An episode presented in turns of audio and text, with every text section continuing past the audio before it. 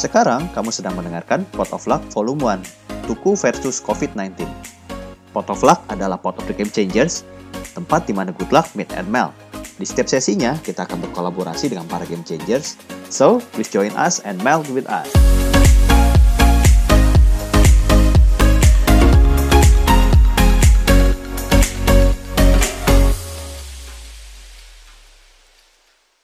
Hari ini, Pot of Luck akan membahas tentang how business and entrepreneur could act in this time of uncertainty while facing the new normal. Our Deputy CEO of Fortuna, Sasaratna Puspita, will collaborate with CEO of Kopi Tuku, Andano Prasetyo. Happy listening!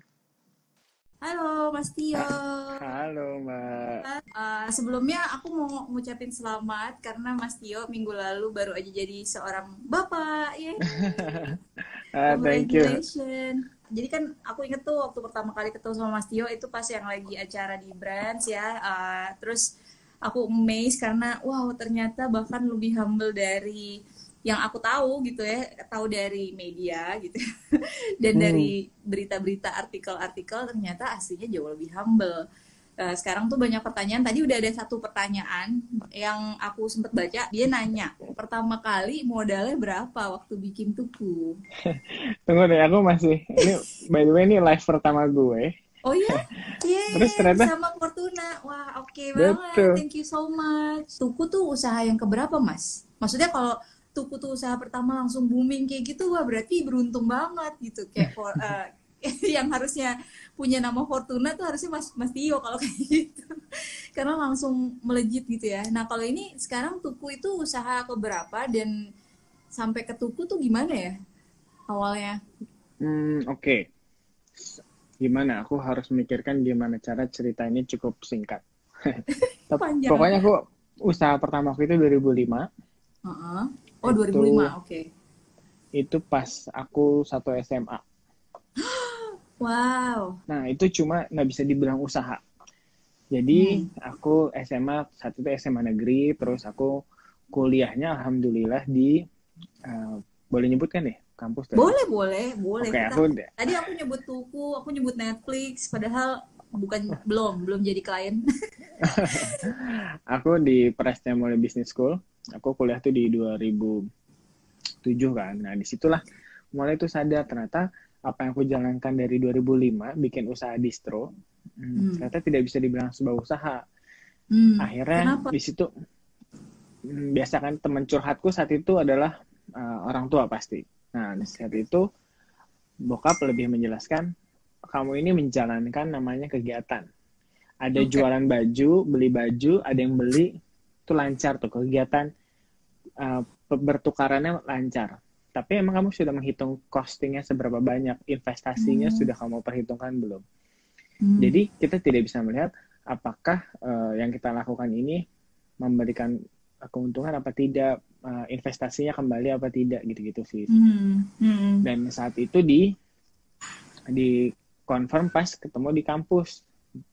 Dipaparkan tuh berbagai eh, case study kan di kampus. Hmm. Nah, dari situ akhirnya juga makin sadar, oke ternyata salah dalam menjalankan usahanya, akhirnya sedikit demi sedikit perlahan kita benahi gitu. Makanya dari Hmm. baju, akhirnya kita coba aja ngikutin market yang cepetnya maunya apa. Ya. Sampai em, waktu itu mulai jualan iseng-iseng di taras. Kalau di store itu pasti ada jajanannya, ada. Namanya apa? Dist bist- eh, distronya waktu itu di Cipete kan lumayan banyak dan bagus-bagus ya. Dulu namanya Tuts 79. Oh, oke. Tujuh Jangan ditanya artinya kenapa. Intinya dulu aku harus disclaim dari awal aku ini nggak punya planning, aku nggak mau jadi suka bisnis. nggak.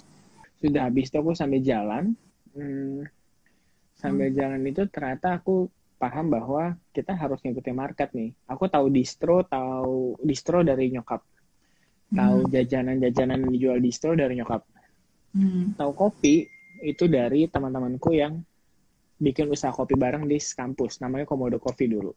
Oke. Jadi semua itu semua berdasarkan ya universe sekitarku adanya apa gitu.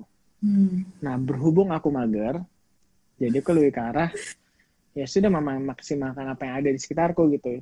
Ya sudah kalau aku dapat temannya di kopi, ya udah dimaksimalin sampai sekarang gitu sih sebenarnya.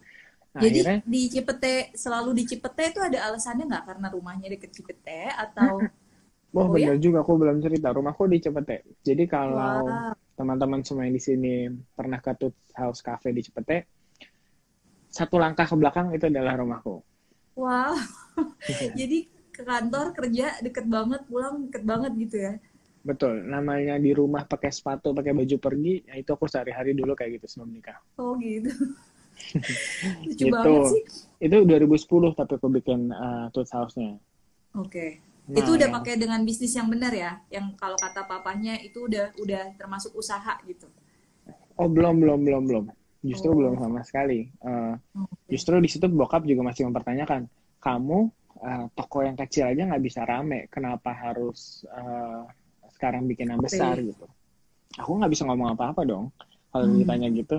Orang beliau kasarnya investorku, aku minjam duit ke beliau. Saat itu aku Hmm. minjem uangnya 200 jutaan kalau nggak salah. Itu sambil jalan, hmm, eh, apa tuh? eh, minjem, ya sudah. Aku sambil jalan tokonya kecil, Tooth House, tapi itu belum kopi. Aku baru bikin kopi 2015 si tukunya Oh. itu. Jadi jaraknya lima tahun, lima tahun, lima tahun gitu ya. Kira-kira gitu. Nah, di, di masa itulah aku ngobrol-ngobrol sama teman-teman, kenalan sama pelaku industri kopi. Terus abis itu belajar-belajar kecil-kecilan ke Jogja, ke Bali, ke Melbourne. Hmm. Ya udah cari Hmm. insight aja sebenarnya. Tapi memang banyak hal ternyata insight yang aku dapat tuh memang dari ngobrol-ngobrol. Even nanti dari Hmm. ngobrol gini pun pasti nanti aku dapat insight lagi yang bisa aku gunain gitu. Amin. Mm-mm. Ini banyak teman-teman yang beberapa kali aku lihat di sini pun banyak dari mereka juga yang aku belajar sama mereka, sharing sama mereka gitu. Dulu 2010 soalnya untuk belajar kopi 2008, 2010 nggak banyak. Eh, pilihannya cuma dulu di Cepetnya cuma ada Black Canyon dulu. Iya, iya, aku tahu juga di daerah situ lumayan belum banyak restoran ya. Dulu masih agak kalau orang nyari restoran ke Kemang karena ya Hmm. agak nyebrang sedikit tapi rame gitu kan.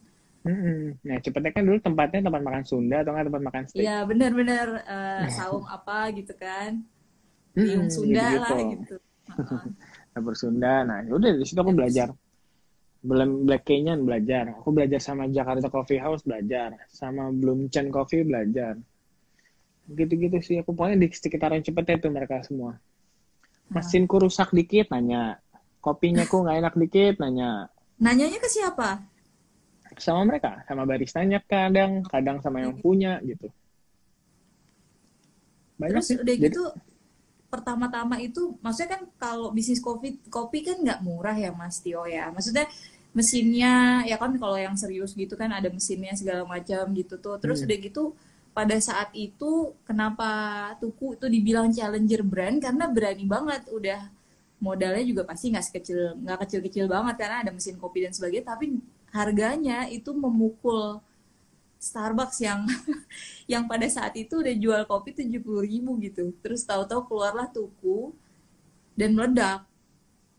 Itu pertimbangannya gimana gitu pada saat pertama kali me- melihat harganya yang pas segini nih gitu. Karena apakah itu diajarin di Prasetya Mulia? Apakah itu karena hasil perhitungannya dengan papahnya? Gimana gitu harganya loh yang fenomenal dari tuku itu pertama kali keluar adalah harga dan rasanya itu tidak kalah enak gitu jadi pada saat semua orang shift ke tuku makanya sampai Jokowi datang ya itu karena me- meledak ya itu ceritanya gimana mas? Hmm, oke. Dulu, sebenarnya kalau ditanya itu ada perencanaannya gimana dibantu karena analisa market apa tidak, pasti berbagai analisa dilakukan. Tapi yang jelas aku tidak Iya. melakukan research, bisnis research seperti bisnis pada umumnya gitu. Kembali lagi aku cuma mag- aku tuh magar aku sendirian. Jadi aku cuma kan, melakukan hal yang hal yang pa- yang buat aku jelas-jelas saja. Nah saat Oke. itu kalau kita cari mot kan pengennya cari motivasi kan. Orang mager berarti butuh apa ya? Kenapa aku harus gerak ya? Pasti butuh duit. Tuh aku kumpulin deh Oke. tuh list list aku pengen beli apa, pengen punya uang berapa, Hmm, mau beli motor apa gitu kan. Yes. Itu kira-kira. Ah, Intinya di sini dulu aku menjadikan bisnis adalah aktualisasi diriku. Dari Oke. situ aku jadi ini, ini memang uh, menjadi personal karena menurut aku ini penting sekali sebelum kita punya usaha kita harus menganalisa modal kewirausahaan kita, which mentality kita, pola pikir kita, gaya kita itu akan matters. Nah saat Hmm. ini dulu aku tuh aku merasa aku mengumpulkan motivasinya akan gimana sih. Nah dulu mau Hmm. punya uang pasti dong. Yang kedua, em, biasanya kalau kita masuk kopi, kita akan terpapar bagaimana sedihnya petani kopi di Indonesia gitu. Ya, Tidak adil dan sebagainya, perlu dibantu. Iya. betul.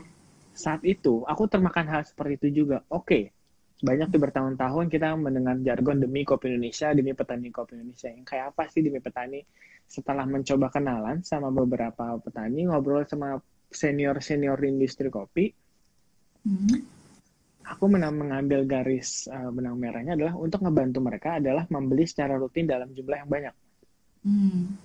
Jadi bukan harus dikasih pelatihan, Reguler. bukan reguler, bukan harus Hmm. pelatihan, bukan harus dikasih beli kopi yang mahal, tapi reguler. Karena ini masalahnya yang jelas-jelas ya. aja gitu kan. Mm-mm. Namanya Sustainability. betul, perasaan aja kan maunya jelas-jelas aja gitu kan ya, apalagi Iya. bisnis kan juga gitu ya. Iya.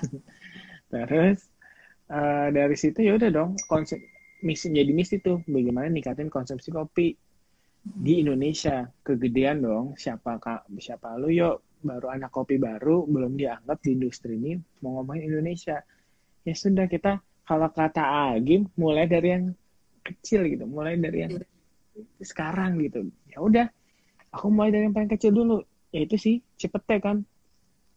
Dari situ gimana aku bisa ningkatin konsumsi kopi di Cepete. Hmm. Awalnya udah nih, orang rumah udah aku bikinin kopi nih. Mereka mau gimana? Tamu tooth house aku bikinin kopi. Biar lu pada mau minum gimana? Pada nggak mau. Kenapa? mau. Mungkin aku menganggap ekspektasinya memang gue nggak mau ngopi ke tooth house, nggak mau ngopi di rumah, nggak mau ngopi. Oke, kita bikin toko kecil yang bikin. Ini bukan apa iklan ya. Aku minum tuku. aku minum aku apa ya? tadi nyoba, aku tadi nyoba yang beli dari Tokopedia loh. Eh, yang yang iya, udah cepet Hmm. banget. Ya, Cepet banget. alhamdulillah. Eh, Soalnya kalau di Tokopedia bisa beli sebelum jam 9, kalau dari toko kan harus open jam 9 ya. Hmm. Hmm. Terus terus terus. Udah habis itu kan em, apa ya? eh, apa tadi aku sampai mana tuh? Aku harus Harus mencoba untuk Ini- bikin orang di Cipete beli, orang rumah beli gitu kan. Eh Mm-mm. orang rumah Terus- mencoba. Jadi kenapa aku 18.000 ribu mbak? Nah ya buat aku 18.000 ribu, aku berkaca dari saat itu gaji orang 5 juta aja. Untuk minuman 18.000 ribu aja, dua kali kan pengen belinya rutin dong, banyak Iya. dong. Iya, Pengennya dua kali sehari lah orang minum. iya. Pengennya tiga, cuma dua kali deh nggak apa-apa. Nah dua kali sehari kali 18.000 ribu cukup mahal dong, 36 selama sebulan. Iya, Harus bikin tapi sebulan. saat itu market lagi terbiasa dengan uh, produk import itu yang satu gelasnya bahkan udah jauh lebih mahal 50 sampai 70 ribu gitu kan. Market udah mungkin memaksakan diri bahkan market pada saat itu untuk rutin minum tapi sebetulnya menangis. Nah, memang kan dulu kan jargonnya kopi sekarang menjadi lifestyle, menjadi eh, itu kan namanya emotional value kan dibangun. Nah, justru kalau pembelajaranku ngobrol sama teman-teman di industri kopi, bagaimana kita harus ngebawa kopi menjadi eh, sesuatu yang rutin sehari-hari. Hmm. Berarti harus sangat fungsional. Berarti Hmm. secara rasa harus mereka eh, gemari, mereka harus minati. Secara secara makanan pun mereka juga harus banyak eh, yang Hmm. disukain, harganya harus terjangkau gitu kan. Hmm. Nah, ya sudah kita cari rasanya seperti itu. Pas rasanya udah dapat, ngobrol tuh. Es kopi susu itu empat bulan setelah tuku buka soalnya. oh gitu jadi bukan Jadi- produk pertama Bukan, bukan produk pertama. yang pertama Apa? apa jadi yang pertama itu uh, kopi-kopi biasa latte atau apa gitu Eh, kita hmm, jadi kenapa jadi 18.000 mungkin sekarang aku jawab di sini pertanyaan Iya. nyambung dari situ aku punya kopi dari harga 5.000 rupiah 9.000 rupiah 18.000 rupiah 25.000 rupiah 35.000 rupiah Oh gitu. Jadi, aku tahu yang fry- lebih mahal ada tapi 5000 aku nggak tahu. Emang ada ya? dulu dulu sempat ada jadi Oh, dulu. saking aku nggak taunya market cepatnya maunya apa sih tetangga tetangga Oh, tuku jadi ini nyoba. maunya apa sih Oke. Mm-mm. Jadi kan kita harus mem- memahami dong cita rasa yang mereka pengen. Ya udah Hmm. aku bikin tuh rasa macam-macam dari ala kopi instan sampai ala-alaan pakai karamel sirup seperti uh, Starbucks gitu. Hmm. Itu semuanya aku coba bikin gitu kan. Oke. Nah tapi habis itu uh, kembali lagi dia maunya belinya yang mana? Tiap hari apa enggak? Eh, Aku pikir yang akan dibeli itu sembilan ribu rupiah. iya. Habis habis beli satu pecel ayam, habis beli ayam geprek, mungkin ada uang sisa bisa buat beli kopi sembilan ribu gitu kan. Habis itu, um, aduh, udah dari lima belas ribu. Oh, Itu ada yang nggak tahu 15.000. tuh pindahin kopinya ke botol biar sehari satu botol. Udah ada loh beli di Tokopedia. Udah gitu, apa tadi minumannya kan aku ada macam-macam ya. Ya. Dari macam-macam itu pun aku mencoba bikin eh, dari 5000 ternyata yang mereka minati malah yang 18.000 tapi belum ada Hmm. dingin yang saat itu Belum ada yang dingin. belum Oke. belum ada yang dingin Tapi namanya udah susu tetangga belum? sudah Kopi sudah susu. Oke. sudah nah habis itu apa namanya eh di dikumpulin es kopi susu tetangga Mm-mm. ternyata mereka maunya yang gulanya nggak mau tabur maunya cair nah di situlah aku akhirnya dapat inspirasinya dari tukang cendol waktu itu di lagi soal Jumat gitu Oke. karena kita pengen dapetin kan yang karamel macchiato itu orang suka tuh kan gara-gara ih manis dingin gitu kan nah itu kan berarti kan sebuah cita rasa yang eh, apa nama cita rasa yang harus mereka pengenin kan nah tapi Iya. biar lebih rasanya lebih lokal lebih Indonesia tuh gimana ya Iya. Nah, di situ aku cari apa yang rasanya sirupnya kental kayak gitu. Oh, gula aren. Iya, Terus padahal lihat- gula aren itu sering dipakai kayak ya untuk cendol, untuk ba- jajanan, maksudnya yang air-air juga ya di Indonesia, tapi nggak ada yang kepikir tuh tadinya buat dicampurkan ke ke kopi. Hebat loh. Kadang tuh Ya, jawaban nah. ada di depan mata ya, tapi kita sok jauh-jauh gitu carinya. Sebenarnya bukan. So, sih, makanya kalau dibilang, eh, uh, tuku ini berinovasi dengan kop, es kopi susu gitu. Justru makanya saya nggak berani bilang itu uh, sebuah inovasi dong, karena itu kan memang sebuah yang simpel ada di sekitar kita. Justru dari situ aku dan teman-teman tuku jadi belajar. Iya ya, banyak juga yang Indonesia sudah terlalu banyak yang kita punya sekarang gitu. Sebenarnya itu banyak banget yang bisa kita karyain. Ini masalah perspektif sama mindset memang mau kita bangun gitu kan sebenarnya. Ya. Ceritain dong Mas, itu apa eh, nama kopi susu tetangga tuh dari mana sih? Kenapa dinamainnya kopi susu tetangga gitu? Sebenarnya aku tuh sangat impress sama hubungan neighborhood yang terjadi dalam sebuah coffee shop sih Mbak. Hmm. Dulu aku waktu di Jogja, di Melbourne gitu, tuh senang banget ngobrol-ngobrolnya, deket jalan, deket rumah. Itu aku sebenarnya pengen ngelakuin itu, dan aku pengen cepet tumbuh seperti itu. Hmm. Makanya aku sekarang sama teman-teman, ini di sini ada Mas Omar, terus coffee shop coffee shop lain, pengen ngebangun cepetnya menjadi lebih baik gitu. Makanya kemarin bikin acara pasar kopi cepete. Tapi kembali da- eh, jalan dari sana, kenapa namanya kopi tetangga? Aku mencoba eh, jargonnya kan tuh rumput tetangga biasanya lebih hijau kan. Ya, Jadi harapannya mungkin dengan kopi tetangga akan lebih enak gitu kasarnya. ya. Itu buat bercanda. Nah, tapi secara harfiahnya memang saya pengen kopi itu masa adalah konteksnya bukan cuma sekedar produk, tapi ini adalah sebuah media untuk silaturahmi. Warung kopi Hmm. dari dulu ad- adalah tempat silaturahmi. Hmm. Nah, kalau satu kita di dunia digital disrupt, disruptif eh, digital seperti sekarang, Hmm. kalau saya bisa membuat satu toko kopi yang membuat kita menjadi silaturahmi, menjadi berkomunikasi lebih banyak lagi, Hmm. saya pengen ngambil peran di bagian itu gitu sebenarnya. Oke. Jadi justru role dari kopi sebagai apa eh, coffee shop sebagai habitat, sebagai community gitu ya. Jadi bukan Hmm. hanya bisnis aspek yang dipikirin ya. Jadi makanya itu eh, aku kemarin juga sempat eh, inget dari hasil yang Mas eh, Mas Tio waktu Hmm. di di apa di branch itu ngomong tentang bahkan input-input dari tetangga itu Mas Tio dengerin ya dari tetangga sekitar gitu untuk untuk kopi-kopinya Mas Tio. Penting banget. Even sampai sekarang. Tadi kita Oh, ya? pagi-pagi, tadi pagi kita habis meetingin itu dengan teman-teman tuku. Hmm. Kita lagi ngobrolin justru, eh gimana nih kita makin lama nggak ketemu sama customer.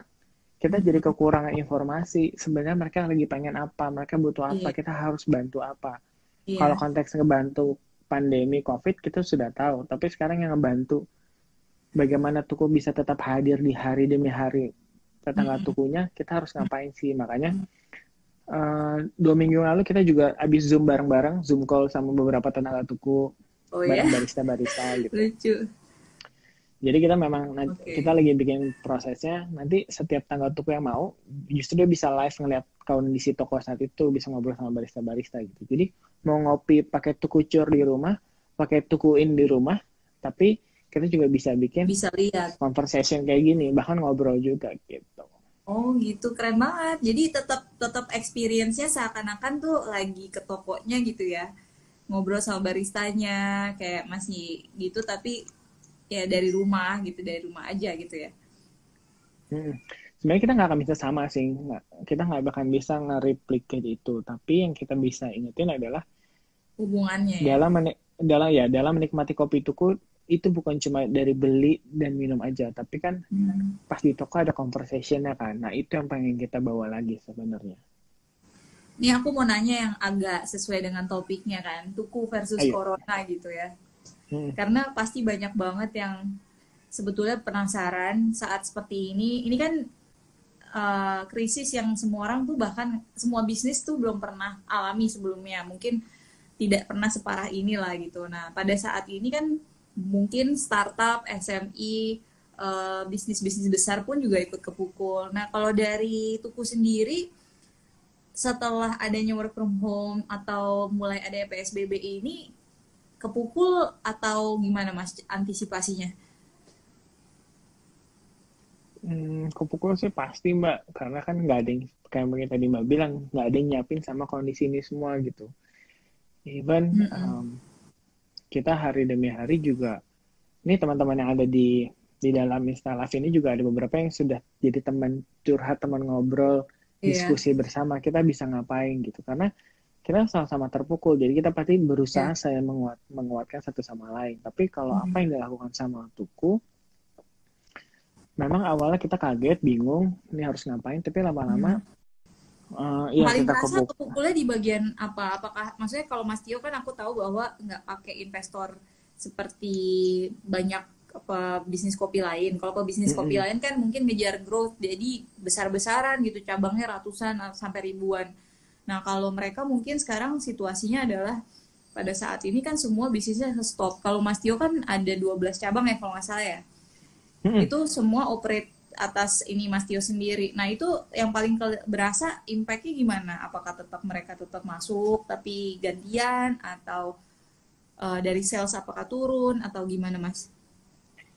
jadi sales sudah pasti turun cuma memang bertahap kan dia mulai Hmm. semakin dia turun semakin turun semakin saat pemerintah semakin jelas ini uh, COVID-nya semakin meningkat dan ada aturan-aturan seperti Hmm. sekarang PSBB. Tapi apa yang kita Iya. lakukan ya kita dari awal mencoba preventif sebanyak-banyaknya gitu dari melakukan penyuluhan, disinfektan, terus Hmm. itu di Instagram bahkan kita bisa lihat tuh bagaimana dari salam asiknya Iya. tetangga barista kalau ketemu, terus kalau kita nggak bisa salaman dan uh, desinfektan tempat, sampai akhir kita tahu bahwa kami kalau orang kalau emang kita harus mendukung uh, kita harus mendukung pemerintah untuk membuat orang social distancing, berarti kita nggak bisa dine in dong. That's why uh, teman-teman Tuku juga mengeluarkan Tuku Cur kemarin. Bagaimana mereka bisa menikmati itu? Mereka tidak perlu sering-sering datang ke toko karena mereka sudah beli kopi lebih banyak gitu.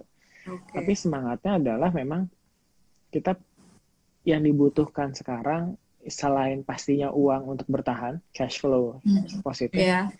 Kalau Bu menurut saya sih uh, adalah sebuah harapan.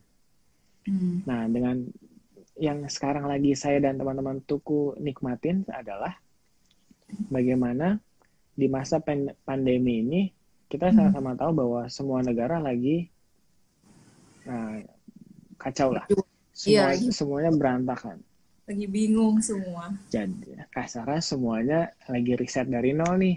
Iya benar-benar. Nah, jadi sekarang jadi tiba-tiba saya pribadi dan teman-teman jadi semangat. Eh, berarti kita ada kesempatan untuk menjadi nomor menjadi lebih baik ya karena mungkin ada beberapa kompeti kompetitor masih terpuruk masih bingung Hmm. harus ngapain nah Ya. makanya yang kita pahami adalah ayo kita segera bangkit memahami kenapa ya Tuhan ngasih ke kecobaan seperti ini Ya. ayo kita cari sisi positifnya gitu dari situ kita saling menguatkan lah di internal kita Hmm. sudah preventif untuk jaga kesehatan kita sudah melakukan bisnis kalkulasi uh, perencanaan bisnis se- sebaik-baiknya sekarang menggunakan kesempatan ini motivasi ini untuk selalu punya harapan yang lebih besar lagi buat uh, kopi di Indonesia gitu jadi sekarang bagaimana kita justru selagi menanti Hmm. kita bisa ngapain lagi ya buat industri ini gitu kita bisa ngapain lagi karena dari situ yang akan menstimulus kreativitas teman-teman di Tuku untuk berkreasi memberikan fasilitas ap- apa ya produk-produk apa lagi yang harus, harus dikeluarkan yang bisa nyenengin tetangga Tuku gitu Hmm. jadi intinya tadi kalau dibilang kena pukulannya paling berat di mana uh, kalau menurut kita bisnis pasti uh, kedua mentality sih Hmm. karena kita jadi bingung kan jadi kita harus ngapain kita lagi Iya. seru-serunya nih awal tahun bikin town hall kan Iya. meeting mau yang gede hilang Hmm. berarti kita harus mengganti kekosongan itu dengan sebuah rencana baru yang sama baiknya dan kalau perlu lebih besar lagi nah makanya saya kita ngingetin dong eh motivasinya jangan terpuruk kalau cuma survival ya kita ngabisin aja sisa duit buat survive Iya. tapi kan itu cuma survive yang kita mau kan bagaimana kita terus bangkit dan menjadi lebih baik lagi gitu nah Ini alhamdulillah sebetulnya sekarang lagi ada uh, pro project yang lagi dilakukan atau ekspansi yang lagi direncanakan nggak sih yang akhirnya harus di adjust atau berhenti gara-gara ini gitu? Ada banget, ada banget, Mbak. Jadi sebutlah uh, anggap semua yang kita rencanakan semua diulang, nggak ada. Oh Jadi ya? 2020 ini yang harusnya ngapain kita nolin. Oke. Karena baik lagi yang kita perlu langkah utamanya adalah menyelamatkan diri sendiri, menyelamatkan perusahaan, Hmm. menyelamatkan pegawai, habis itu berkontribusi terhadap ekonomi uh, Indonesia. daerah gitu, Indonesia Iya. daerah habis itu Indonesia gitu kan. Nah dari situ um, jadinya kita lebih fokus gimana cara kita bisa bertahan dulu, tapi dengan bertahan itu pun membuat kita punya uh, nafas buat hidup lebih panjang. Hmm. Nah makanya sebenarnya kayak Tukucur ini sudah ada plannya udah lama, Hmm. cuma kita nggak punya momentumnya. Hmm. Nah sekarang kita punya alasan yang buat ngeluarin itu ya sudah kita keluarin. Iya. Baik lagi, jadi sebenarnya Tuhan sudah memberikan kita akal, rezekinya sudah diatur, tinggal kita pilih-pilih yang mana yang yang maksud. Tuhan yang buat Iya. kita bisa tumbuh ya. Iya. Ya sudah, makanya sekarang juga tadi di meeting kita lagi ngobrolin sambil uh, uh, di video call gini, Hmm. kita lagi mencoba brainstorm ada ide apa lagi ya, kita bisa ngapain lagi ya, tetangga tuku pengennya diapain ya, industri ini pengennya harusnya dibantu apa ya gitu. Karena kita kalau kita mikirnya makin jauh, Kita nggak akan mikirin survive survival mode lagi gitu. Hmm.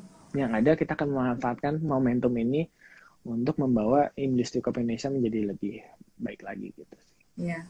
Aku selalu percaya sih. Jadi kalau uh, aku tuh percaya bahwa negativity is brilliant gitu ya. Karena uh, pada saat ada negativity sebetulnya ada sisi positif yang kalau dilihat dan digunakan itu justru menjadi sesuatu yang brilliant gitu. Kan karena kalau kita menyerah ya udah, tapi kalau misalnya kita ini berarti kan kalau kita survive this I think we can survive everything ya.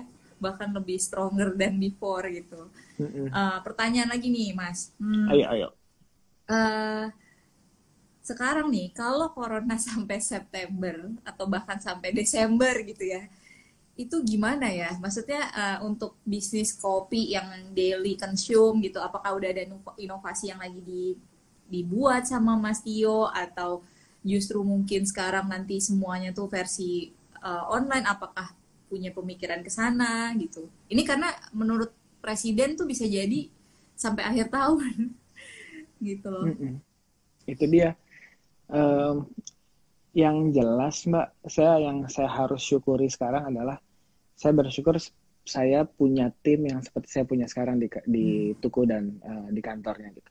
Iya. Karena mereka lah yang mewaraskan saya untuk kita bisa loh begini, kita masih bisa loh survive. Jadi kita ngomong bahkan gimana nih September. Nah, alhamdulillah sebelum kita merasakan ketakutan itu, kita sudah memikirkan eh kayaknya nih kita nggak bisa di cuma survive doang kayak kita harus bisa lebih panjang lagi gitu makanya Hmm. dari situ um, ditanya ada perencanaan apa enggak ada ada sekali Hmm. cuma kembali lagi kita nggak pernah tahu mbak September rasanya Iya, juga membayangkan. September terlalu jauh kan Benar-benar. makanya meskipun kita tetap punya tapi yang bisa kita lakukan sekarang nggak ada kita cuma R&D produk setiap hari terjadi Oke. Cuman- Respon- kemarin saya Ngikutin eh, perkembangan. mm-mm. kalau saya share bahkan saya kan saya tadi saya ceritakan kita saya dari rumah sakit kan itu pun di Iya. rumah sakit pun kita tetap uh, R&D produknya terus-terusan gitu karena kita Hmm. tetap uh, yang kita nggak punya kan sekarang waktu kan mbak kita butuh begitu momentumnya ada kita bisa bergerak kayak gitu Hmm. jadi alhamdulillah saya dibantu sama teman-teman yang bisa melakukan R&D melakukan analisa secara mendalam Hmm. Nah, baik dari segi keuangan operation, jadinya by September kita sudah mengambil beberapa langkah. Um, kalau uh, market uh, perekonomian berubah seperti apa, kita akan ngapain. Kalau ternyata sudah membaik dari bulan Juli, kita akan ngapain. Gitu sih. Ini ada pertanyaan dari Aldi Lantip nih. Mas Tio, sekarang banyak kopi-kopi baru yang mirip. Gimana cara tuku counter itu? Hmm, bahkan saya nggak kepikiran untuk mengcounter sih mbak gitu kan karena kalau em, kalau saya ingat-ingat dulu saya ngobrol 2015 sampai 2017 sama teman-teman pelaku kopi Mm-mm. kita yang di industri kopi ini yang kita nanti adalah industri yang lebih bergeliat konsumsi yang lebih meningkat Hmm. dan buat saya semua kompetitor ini saya nggak akan bilang kompetisi eh, rezeki udah diatur kita yang penting eh, jalan aja gitu enggak saya tetap berkompetisi sama mereka semua tapi Ya. saya nggak perlu mengcounter karena menurut Itu yang- saya Yang fanatik tuh belain tuh. Emang fanatik. Beda nggak tuku sama kopi lain. Ya, oke. Terus ya, alhamdulillah alhamdulillah kalau Alhamdulillah, iya gitu banyak loh, banyak fanatiknya. Jadi menurut aku Tuku sebagai brand kopi itu sendiri positioningnya udah udah memisahkan diri dari yang mereka yang dianggap follower ya, karena memang Tuku yang memulai gitu. Terus terus Mas, Hmm, apa tadi mbak? Aku jadi jadi tadi kamu counter, Mas Tio Nah, nggak nah, meng-counter nggak karena Mhm. kompetisi. Kompetisinya Aku- mungkin Ya, aku tidak mengcounter, justru aku butuh bantuan mereka buat membuat kopi ini bisa jadi kayak es teh manis, kopi ini bisa kayak es jeruk gitu. Kopi ini jangan cuma jadi keren-kerenan semata gitu. Kopi ini harus bisa menjadi basic needs gitu. Oke. Justru dengan banyak kompetitor ini membuat ini semakin wajar produk ini untuk terus ada gitu sih Iya. sebenarnya. Makin ngefans nih kayaknya dengar jawabannya yang yang ngefans tadi makin ngefans kayaknya sama Mas Tio dan Tuku. Tuh, setuju Mas katanya. Nggak usah di counter Yeah. karena itu punya HP. Apa sih? Ah. Counter HP. Saya betul. Saya bisa relate dengan bercandaan itu. Iya. Iya, ada yang Hmm. eh, terus eh, apa lagi nih? Ada pertanyaan. Eh, jadi total udah berapa kali bisnis sampai akhirnya ketemu yang pas? Terus sekarang setelah Hmm. se- sukses dengan Tuku yang lain dijalanin nggak? Hmm, kalau sebelum Tuku itu adanya Tuts 79, Hmm. um, Tuts House masih ada sampai sekarang. Hmm. Uh, Komodo Coffee tuh, Komodo uh, Tuts House, eh, Tuts 79, Komodo Coffee sudah selesai. Um, Tuts House masih ada sampai sekarang. Ya. Coffee on Wheels juga sudah selesai. Habis itu Tuku. Jadi kelima Tuku ini. Oke. Tapi yang masih jalan dua berarti Tuku sama eh, Tots House. Mm-mm. Tapi setelah di luar itu kita masih ada beberapa brand lagi sih. Tapi setelah Tuku Oh. dia dibangun. Oke. Berarti sekarang udah punya beberapa bisnis lain ya? Eh, ekspansi ke bisnis lain yang sama kayak F&B atau mm, beda banget industrinya? Maksudnya apakah ke fashion atau ke mana? Dalam dua tahun ini kita masih F&B semua sih Mbak. Oke, F&B. Eh, terus aku kemarin kan sempat dengar tuh waktu di pembicaraan di seminar yang sebelumnya mau expand ke luar negeri juga ya kak. Eh, Mm-mm. Ini sekarang dengan COVID berarti di stop dulu ya mas ya? Prosesnya Mm-mm. ribet banget nggak tuh stop itu dan pending semua tuh jadinya gimana tuh? Sempat kerugian Hmm. besar dong.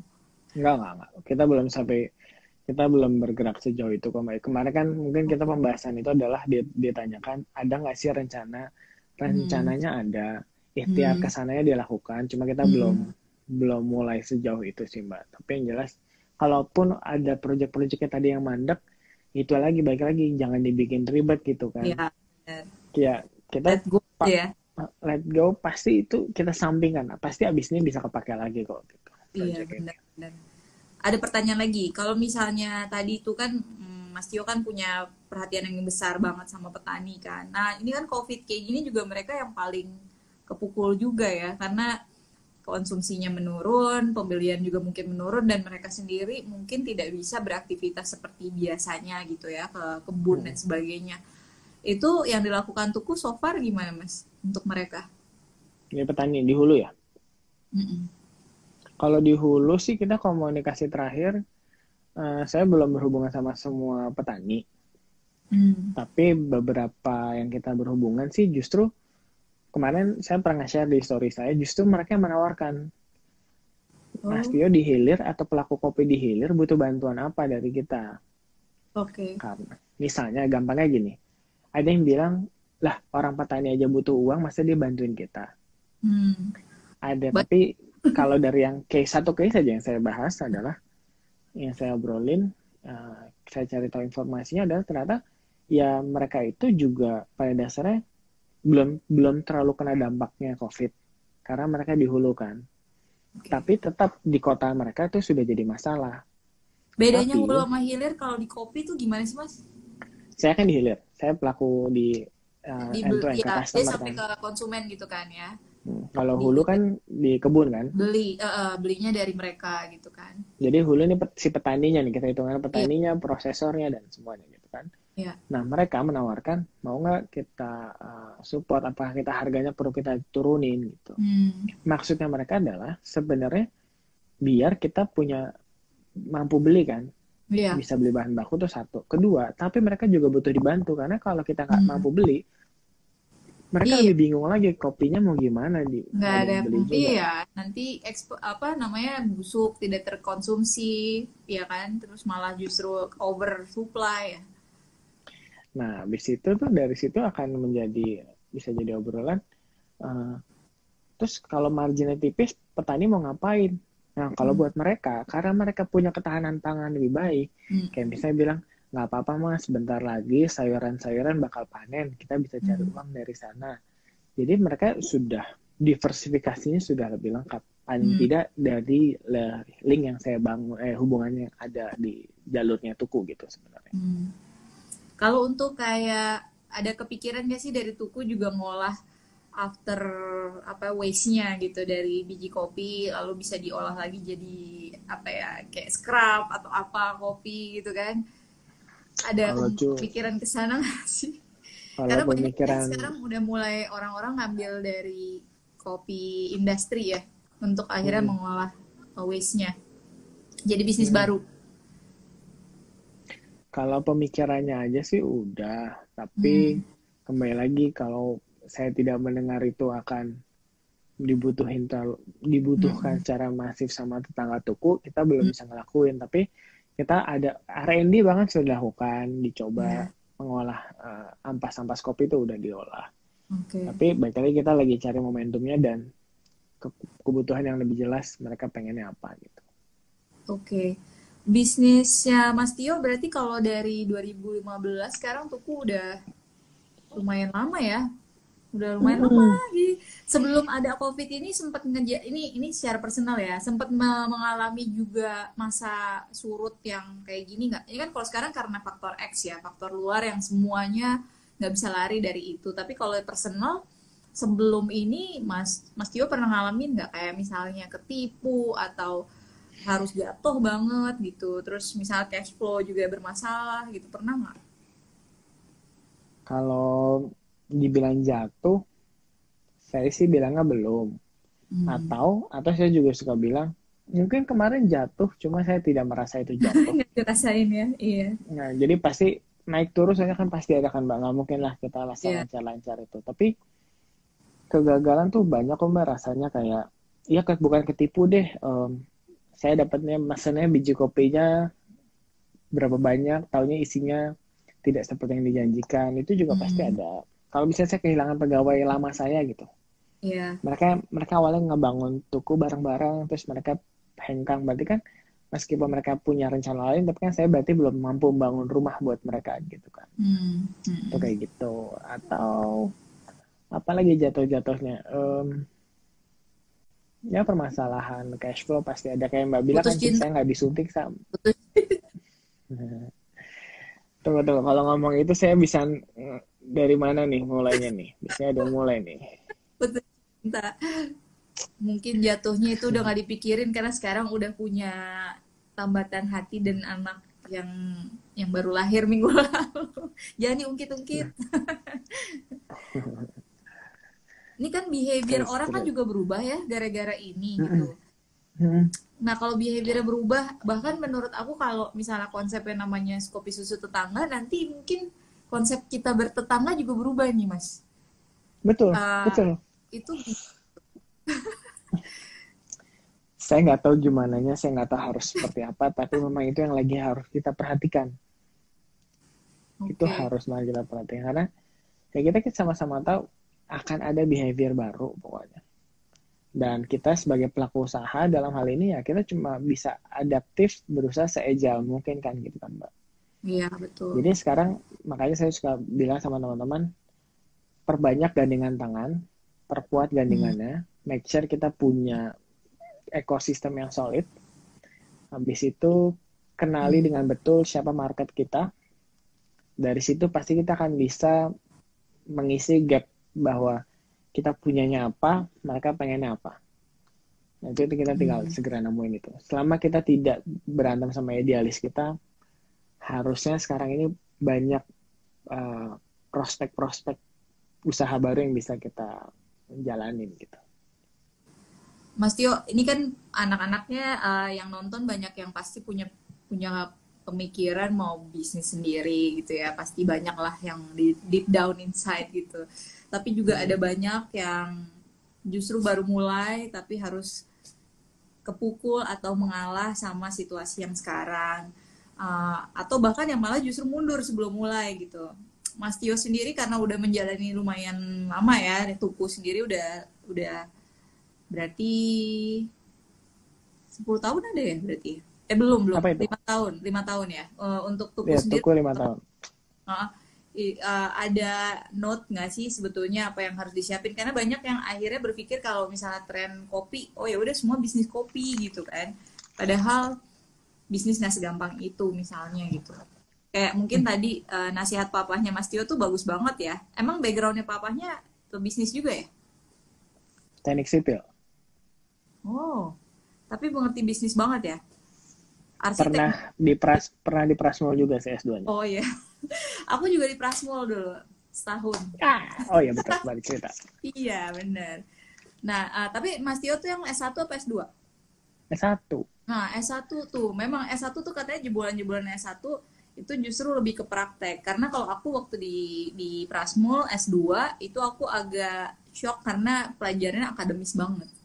Jadi prakteknya tuh justru uh, kurang ya jadi memang benar-benar akuntansi apa statistik gitu-gitu nah hmm. mungkin uh, ya malah yang S1 tuh menurut aku emang katanya sampai tahan banting dan punya banyak bisnis tuh teman aku juga ada Mary itu karena ada study case ya ada case-case yang dipraktekin ya hmm. dulu waktu di Prasmul apa yang dipraktekin dari Mas Tio sendiri bikin bisnis apa untuk tugas um, itu kenapa ada kopi karena saya dulu tergabung sama Komodo Coffee dulu.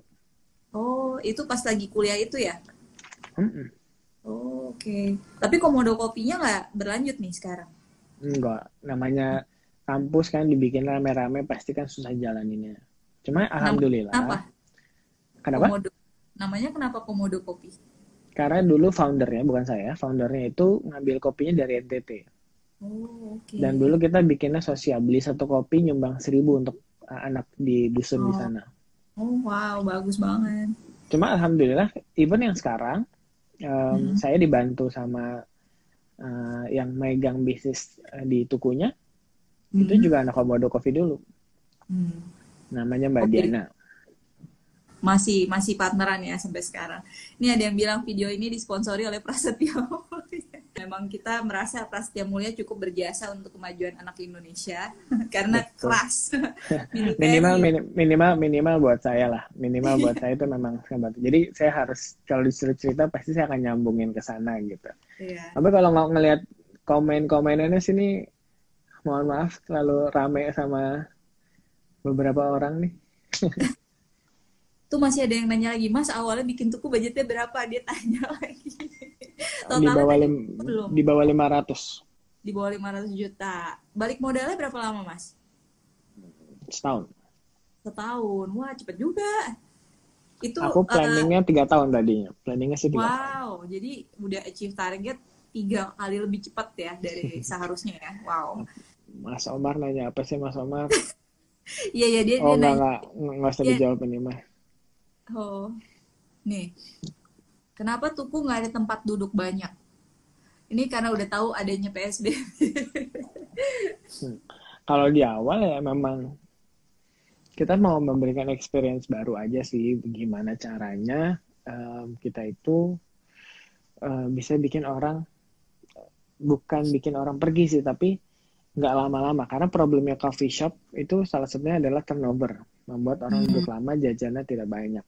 Hmm. Nah makanya sekarang bagaimana kita bikin tuku adalah Hmm. em, orang bisa beli sering, tetap bisa ngobrol, tapi ya bukannya jadi nggak bisa nongkrong, bisa nongkrong, tapi tidak senyaman kafe. Kalau mau nyaman di kafe, nanti silakan ke coffee shop yang sudah ada di di Jakarta saat itu, tapi dengan harga yang lebih mahal gitu. Hmm. Jadi makanya sebetulnya- Mm-mm. Sebetulnya juga untuk menyiasati biar eh, apa namanya nggak ada penumpukan juga kali ya Mas ya. Mm-mm. Terus ada yang nanya lagi, ada outletnya yang rugi nggak? Mas pernah ada nggak? Pernah ada, Ada, yang Mbak. dibuka tutup lagi nggak setelah dibuka? Belum belum. Alhamdulillah toko belum ada yang ditutup, tapi kalau ditanya ada yang rugi ada. Tapi Sekarang alhamdulillah sekarang sudah membaik. Sekarang ada di Kenapa? mana aja diceritain? Diceritain. Sekarang tuku tuh Tukunya. Jadi tuku awal itu adanya di Cipete, Mm-mm. dia di toko yang di Cipete. Yang kedua aku bikinnya dulu di Pasar Santa. Sebenarnya ada di, di Ruci, tapi habis itu pindah ke Pasar Santa. Oke. Habis itu yang ketiga di Bintaro Sektor 1. Hmm. Nah yang keempat, pas habis Jokowi datang, aku bikin satu toko khusus online di di daerah Antasari situ. Hmm. Khusus online. Terus sudah lama jalan setahun lagi, kelima buka di BSD. Kita mau coba Hmm. keluar kota, Hmm. tapi di Tangsel keluar kotanya. Sekarang Terus- total 12 ada yang di luar pulau pulau eh, ada yang di luar Jakarta nggak? Di luar Jakarta. Iya, maksudnya di luar Tangsel juga. Oh, di luar Tangsel nggak ada, belum ada. Belum ada? Mohon doanya. Ada Cibubur paling. Oh gitu. Jadi Bandung pun belum ada. Belum. Mohon doanya aja. Ada rencana tapi kali ya. Kalau Bandung pasti banyak yang nungguin sih. Ini anak- anak-anak Bandung mana nih? Pasti banyak nih anak-anak Bandung juga nih. Adanya nih, saya lihat adanya anak Jogja nih. Ini ada yang nanya lagi, tips bertahan hidup di era sekarang dong karena banyak eh kayaknya bakalan lama ini pandemi. Pertama, pastinya ini ada Mas Candi. Pertama follow Mas Candi Soleman ini. Silahkan tuh, itu bisa di follow Mas Candinya. Oke. Habis itu, karena intinya kita harus positive thinking dulu. Memahami kenapa kita terperangkap dengan kondisi seperti ini gitu. Kenapa Tuhan ngasih cobaan kayak gini. Sebenarnya itu sangat personal sih buat menurut saya. Hmm. Tapi kembali, kalau kita tidak bisa menyelesaikan dengan kondisi sendiri, kreativitas kita nggak akan jalan. Gitu. Hmm. Nah, dari setelah kreativitas jalan, berpikir sudah jernih, Hmm. mulailah di sini dengan open minded melihat uh, apa ya aspek-aspek lebih banyak lagi. Mungkin kita banyak sama ini cuma melihat handphone tapi saat ini kita perlu ngobrol lebih banyak sama orang. Ya. uh, meskipun secara digital kita gali-gali kita butuhnya apa? Pasti ada sesuatu. Pasti ada sesuatu yang bisa kita lakukan gitu. Yang masalahnya adalah kita harus punya mindset yang positif sehingga apa pun langkah yang kita lakuin itu mengarah ke arah yang lebih baik gitu. Setuju. Mas sekarang udah banyak pesaingnya, gimana caranya tetap eksis? Padahal Hmm, Tuku ini nggak ada, nggak ada. Kita nggak ada rencana untuk eksis. wow. Kita cuma berharap laku. Iya. Jadi Tuku itu hebatnya ya waktu aku juga waktu itu nanya gitu, kok nggak pernah lihat promonya Tuku gitu. Sedangkan toko lain tuh ada yang off berapa persen di GoFood dan sebagainya, Tuku tuh nggak ada. Dan very cool in a way kayak ya udah tenang aja gitu jalan. Terus aku nanya kan, sementara dikepung nih. Jadi dikepung sama kompetitor dari mana-mana. Jawabannya Mas Tio tuh aku inget banget. Well, aku dikepung tapi mereka semua belinya dari aku. Hebat banget, keren. Iya itu ceritain dong Mas, mereka bisa belinya dari Mas Tio tuh gimana gitu? Apakah karena memang Mas Tio hubungannya paling baik sama para para petani kopi atau uh, infrastrukturnya atau justru Mas Tio belinya harganya paling bagus sama mereka, sama para petani ini? Hmm, wah enggak sih Mbak, aku nggak ada special treatment atau apa pun itu. Cuma memang em, kayak tadi eh, saya bilang, menurut saya penting untuk membangun atau berada dalam sebuah ekosistem yang sangat menyenangkan. Jadi semuanya vibe-nya positif gitu kan. Yes. Alhamdulillah dengan vibe positif tersebut, saya jadi punya kemampuan untuk bermanuver bersama-sama mereka gitu. Nah, misalnya dalam hal ini yang Mbak tanyain kan bukan masalah biar orang semua beli sama saya, tapi yang jelas saya di luar kopi tuku saya punya brand namanya kopi beragam gitu. Salah Oke. satu mission lainnya adalah kita sama-sama tahu Indonesia diberkahi sama Tuhan kenta- dengan keberagaman eh, eh, kopinya gitu kan. Nah saat ini justru saya pengen mengembrace tersebut, tidak mengkotak-kotakan kopi tersebut, tapi justru menjembreng ini loh karakternya, ini loh keberagamannya gitu. Nah makanya dengan keberagaman tersebut saya membuat menjadi sebuah format bisnis yang semoga kalau saya di hilir bisa menyambungkan, membuka market sebanyak-banyaknya, saya bisa mengambil setiap kantong-kantong kopi yang ada di Indonesia ini gitu. Hmm. Nah, in in order to do that, so saya harus meyakinkan para pelaku usaha kopi di uh, Jakarta dalam hal ini untuk kalau mau bisa mengambil kopi ke si kopi beragam ini gitu.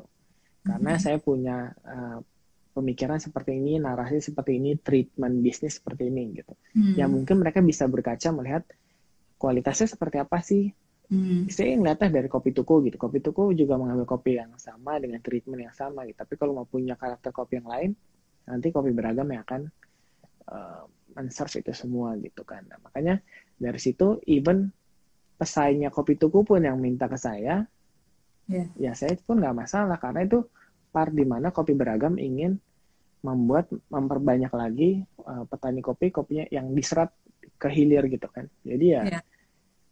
toh persaingan antara kopi tuku dengan yang lainnya itu inevitable juga nggak bisa dihindari. Jadi ya Iya. semakin Orang beda-beda ya Mas. Maksudnya ada pengusaha yang emang maunya um, maksudnya fokusnya lebih ke ngejual, ada kan yang kayak gitu kan. Terus ada yang Hmm. tipenya justru memang membangun infrastruktur karena memang suka ya kan, suka eh, apa berinteraksi, ngobrol, membangun hubungan tuh ada yang tipenya kayak gitu. Jadi menurut aku sih role-nya masing-masing. Dan kebetulan mungkin di Indonesia anak muda sekarang mungkin pada saat ini petanya banyak kan yang jualan gitu objektifnya. Jadi eh, mungkin mengambilnya dari dari Mas Tio karena Mas Tio udah punya hubungan yang di- dibangun tadi. Terus ada pertanyaan nih Mas tantangan terberat merintis tuku apa? Merintis ya berarti pas awal-awal tantangan terberatnya apa manpower. manpower oke Manpower yang ujungnya adalah bagaimana kita dealing with um, bisnis eh, bisnisnya, um, pertumbuhan bisnisnya. Nah, terus manpower nanti ujungnya adalah bagaimana kita bisa um, menyesuaikan diri dengan waktu itu kemarin bagaimana kita ter- saya terbantu dengan digital tapi kan kita nggak pernah tahu forecasting digital ini kan kan seperti apa gitu kan. Hmm, nah dari situ makanya kita terkaget-kaget kayak tadinya saya pikir saya sudah bikin kopi sekian banyak buat dijual hari ini eh, 10 gitu. Tahunya karena digital jadi 30 nah itu kan perhitungan manpower jadi sulit kan dan bagaimana Iya. kita memotivasi teman-teman menguatkan satu sama lain ayo kita nggak boleh lelah kita nggak boleh capek karena banyak orang yang harus kita senengin banyak orang yang pengen nyobain kopi kita gitu nah poin-poin kayak gitulah yang akan menjadi tantangan tersendiri karena ujung-ujungnya pasti nanti ke ke, ke gaji, ke peraturan, hmm. ke kedisiplinan tim gitu. Tapi ujung-ujungnya bagaimana kita harus tetap kompak dalam menghadapi segala opportunity yang hadir di depan mata kita gitu. Iya, mungkin kalau orang banyak yang ngeliat gitu pengusaha enaknya aja atau kerennya aja ya, tapi nggak ngeliat bahwa jadi pengusaha itu komitmen 24 jam ya mikir kalau mau mengembangkan atau ada demand expand lebih baik bisnis itu berarti tambah banyak kerjaannya ya Mas Tio ya. Betul. Uh, uh. Nih mau tanya, kenapa Tuku nggak pernah buka di mall atau di building kantor? Hmm, kayak kita masih menikmati kayak tadi kan aw, uh, awalnya kan kita memang karena tetanggaannya jadi mungkin one day kita bisa buka di gedung atau di mall cuma kita hmm. lagi benar-benar nikmatin karena kan Tuku ingin menjadi jembatan kopi di Indonesia gitu. Dari orang yang jarang jadi sering. Nah, hmm. makanya kita harus Tuku harus lebih sering buka di tempat justru yang tidak di expect ada coffee shop atau ada kopi Tuku di situ. Okay. Apa pengaruhnya? Uh, ini ada pertanyaan lagi. Apa pengaruhnya kebaikan sosial terhadap penjualan Tuku di masa pandemi COVID sekarang? Ada ada yang di apa diambil nggak uh, setelah setelah melakukan kebaikan sosial selama ini bukan kebaikan sosial aja kali ya, ma hubungan baik sosial kali ya maksudnya terhadap hmm. penjualan tuku di masa pandemi covid tetap tetap uh, menambah ini enggak? Saya nggak tahu gimana ngukurnya, tapi pasti ada sih mbak. Saya yakin iya banget sih. pasti ada. Loyal ya, orang loyal jadinya. Iya minimal minimal uh, tolak ukur adalah uh, loyalty customer sama tadi kedua misalnya tawaran baik dari petani terus loyalty uh, timnya tuku sendiri. Karena kan berarti makanya kembali lagi kita cuma pengen berada di suatu ekosistem yang menyenangkan aja gitu. Hmm.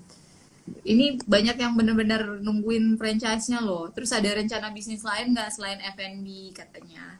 Ada. Gitu Tuh, ada. semuanya ada tapi rahasia. Karena uh, itu senjata pamungkas. Nggak boleh terlalu diri Enggak, tapi pasti ada kok. Dan uh, saya percaya teman-teman yang ada di sini semua pun sebenarnya juga punya banyak rencana cuma mungkin masih agak bimbang masih kayak iya. perlu nggak ya bisa nggak ya? Just lakuin. Ini kesempatan kalau udah pandemi kayak gini kita masih ragu masih nggak berani sayang sih. Yeah. Maksudnya go with the flow juga aja kali ya jadi ngikutin apa yang terjadi juga gitu ya jangan mm -mm. jangan kaku gitu kan Oke, uh, thank you banget loh waktunya Mas uh, Mas. Aku tahu uh, hari ini tuh agak hektik karena harus ke rumah sakit, harus baru punya anak jadi kurang tidur. Aku dan ini live IG pertama pertamanya tuku bersama Fortuna lagi. Thank you so much. Uh, ini ada pertanyaan lagi, sorry, aku nggak lihat tadi. Apa satu lagi? Uh, uh, nih, Mas resep tuku apa sih kok bisa enak? Oke, okay, cara nih uh, nanti nanti saya coba share lagi. Basically, nah. saya saya share. Basically itu sekitar 20 sampai 25 mili espresso. Oke. Okay. Dengan 150 mili sekitar 120 sampai 150 mili krim atau susu. Oke. Okay. Tadi catat guys. Gula arennya sekitar 20 sampai 25 mili. Oke. Okay. Espresso campur.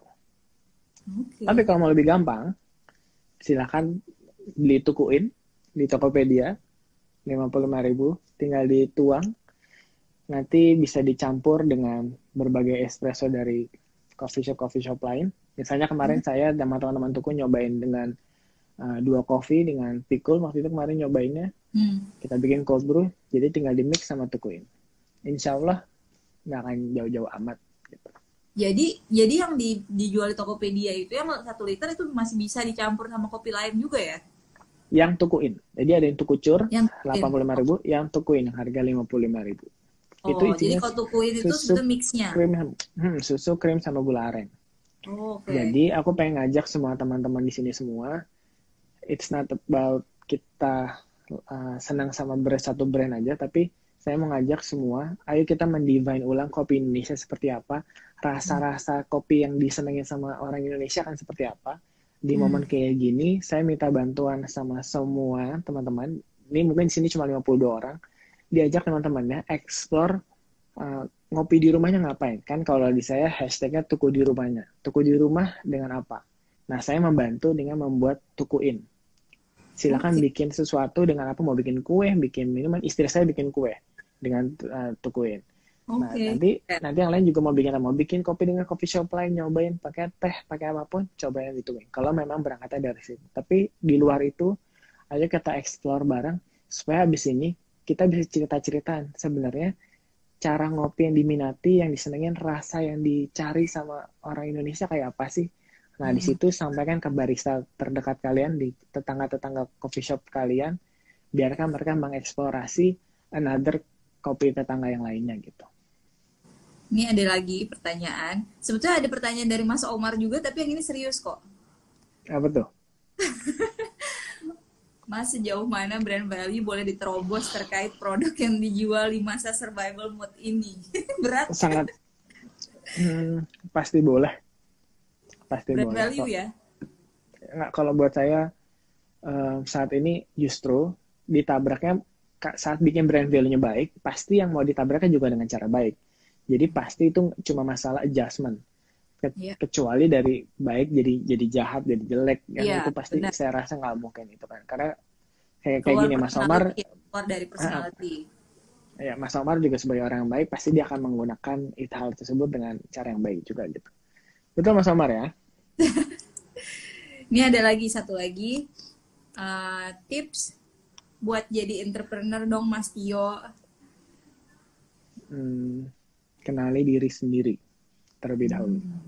Tidak semua orang bisa jadi entrepreneur, tapi okay. semua orang pasti punya jiwa intrapreneur. Apa tuh bedanya? Cara intra kan di dalamnya. Tapi kan untuk menjadi entrepreneur pun kita harus bisa berani mengambil risiko dan sebagainya. Okay. Kadang kan semua orang butuh momentum, kadang orang butuh lucknya gitu. Hmm. Justru itu saat kita mengenal diri sendiri, kita akan tahu kapan momentum itu ada dan itu kita ambil apa enggak. Masalahnya hmm. orang tidak berani menjadi entrepreneur karena dia takut. Nah, takut itu kan hanya masalah mindset.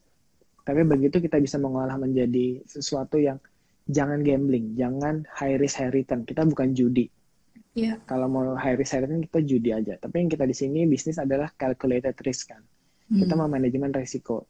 Jadi semakin besar yang kita mimpi, terus kita mengenal betul kita akan start dari mana, di situlah kita pasti akan sadar dengan pelan-pelan kita akan bergerak dan akhirnya nggak punya alasan buat nggak melakukan atau mundur gitu dan okay. dari situ pasti kita akan nikmatin untuk jadi entrepreneur sih karena kita yakin ini bukan hanya menjadi mencari uang kayaknya kalau sekarang bikin kayak bikin coffee shop itu gampang minta uang sama papa mama kayaknya banyak investor banyak di luar sana tapi sekarang mau bikin bisnis apa yang bisa ngebantu menopang ekonomi di Indonesia saat ini? Gitu aja. Aku punya pertanyaan dari aku sendiri uh, hmm. apa yang yang mungkin uh, juga berguna buat yang lain ya? Pada saat mereka sekarang tuh mungkin di persimpangan. Karena di persimpangan itu kan berarti sejauh mana loss itu bisa ditanggung apakah makin ditro uh, makin di ditantang atau mundur itu tuh indikasinya apa mas? Kan kan uh, mas Tio sendiri mengalami beberapa bisnis yang akhirnya uh, tidak dilanjutkan. Uh, tapi ada juga yang dikit itu tuh pertimbangannya gimana mas? Um, dalam persimpangan tapi ya.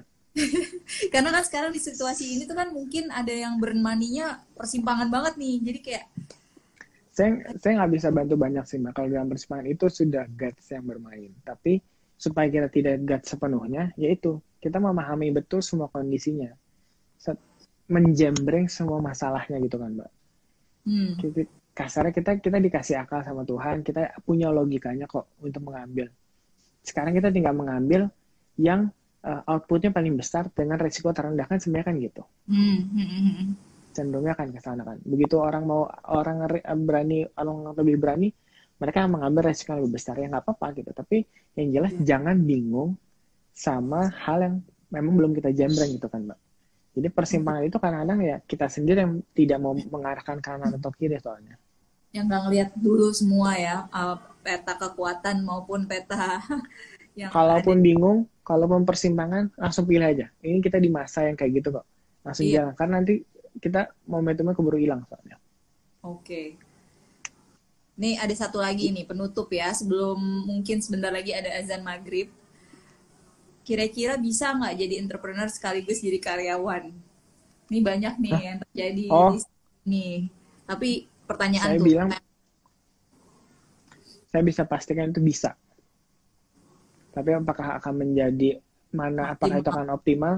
ya. Saya bisa pastikan tidak. Hmm. Justru saya harus memastikan pilih salah satu kan pahami betul kira-kira Tuhan ngasih kita rezeki melalui kantor kita sekarang atau lewat Ya. usaha. Hmm. Gitu. Tapi ya either way jalan dari awal berdua jalan beriringan dulu nggak apa-apa. Tapi kita harus tahu di tahun keberapa Hmm. kita akan berhenti itu dan kita harus berani di level itu nanti. Oke. Gitu. Oke, aduh thank you banget, banyak banget yang tadi aku bilang itu aku nggak bohong sama sekali ya, Mas Tio ini salah satu orang yang menurut aku kekuatannya adalah ketenangannya. Jadi go with the flow, terus udah gitu kelihatan mungkin mungkin mentality entrepreneur yang agak langka adalah justru ketenangan itu sih pada saat di situasi apa pun yang terjadi gitu pemikirannya kalau dingin tenang itu mungkin justru yang akan bisa tahan banting karena kalau stres duluan tuh kita mungkin udah udah kalah sama diri sendiri gitu. Nah Betul, sebelum betul. Heeh. Eh, nanti mungkin kalau misalnya ada yang mau follow Mas Tio eh, Instagramnya masih diprotek tapi bisa di request. Udah, udah kok, udah udah kok. Kapan-kapan ah, kita kita Fortuna nih juga sebetulnya untuk COVID-19 itu kita tuh pengen bikin semacam CSR, kita tuh nyumbang-nyumbangin ide gitu Mas Tio untuk membantu eh, sesama pebisnis, terus sesama bahkan sektor informal atau bahkan pemerintah untuk collab apa segala macam. Nanti ntar kita ngobrol-ngobrol ya Mas Tio ya. Jadi Yes, yes. uh, karena Fortuna merasa satu kita agensi Indonesia ya kita harus membantu dan membangun Indonesia gitu jangan sampai Indonesianya berhenti dan makin sulit gitu kan Jadi kalau bisa bisa Betul. menyumbang lewat ide kita mau banget Betul. Ayo, ayo. Ini kalau Fortuna mau ngajak pelaku-pelaku usaha kopi buat kumpul, minimal nih ada pasar kopi cepet Ini tadi ada beberapa coffee shop udah banyak iya boleh banget Ha-ha, boleh Pengen banget bareng-bareng di pemi- bikin pemikiran bareng, ah, kita juga open. Oke, uh, look forward to it. Nih anak-anak juga beberapa dari Fortuna ada di sini, jadi mereka juga dengar. I'm sure mereka tuh antusias banget pengen ngelakuin sesuatu yang langsung ada apa nyatanya ya, langsung ada nyatanya dan Hmm. Uh, memang tujuannya adalah untuk membuat solusi lah, berbagi. Aku aku believe bahwa Indonesia itu sekarang tidak punya jawabannya memang, tapi udah pasti kalau kita tercerai berai pasti lemah, kalau bersatu pasti Betul. lebih kuat. Jadi apa pun itu jawabannya lebih baik bareng-bareng jangan sendiri-sendiri. Kita Gitu. punya solusinya kok. Kita punya solusinya. Iya. Kita negara yang punya resource yang paling salah satu paling banyak di kondisi sekarang. Tinggal Iya. kita mau merunut itu nggak. Kemarin banyak yang terbengkalai. Tinggal kita Iya. ambilin pelan dikit-dikit. Terus kita satuin, bikin itu jadi lebih hype. Jadi kita nggak pernah perlu lagi reference luar negeri. Biarkan luar negeri yang ngambil reference dari kita. Betul betul. Gitu. Keren banget. Nah, terima kasih banget loh advice-nya untuk Terima uh, kasih Jo. Mbak. Tapi ternyata sangat mature dan dan banyak pelajaran yang bisa diambil. Ntar kapan-kapan ngobrol lagi ya. Mungkin offline kalau kantor kita udah nggak work from home, kita mau mengundang Mas Tio ke kantor kita. Ayo. Um, Nah, ya itu juga salah satu kantor yang lumayan paling tua tapi Indonesia banget dan uh, sangat seneng punya apa orang-orang Indonesia yang juga mem- membangun Indonesia kayak Mas Tio gitu untuk datang. Ya. Siap. Thank you. Dadah. Thank you Mbak. Semua makasih ya. Ah, stay tune di next uh, pot of luck session berikutnya. Siap. Ya. Alright. Dadah. Terima kasih semua. Assalamualaikum. Waalaikumsalam.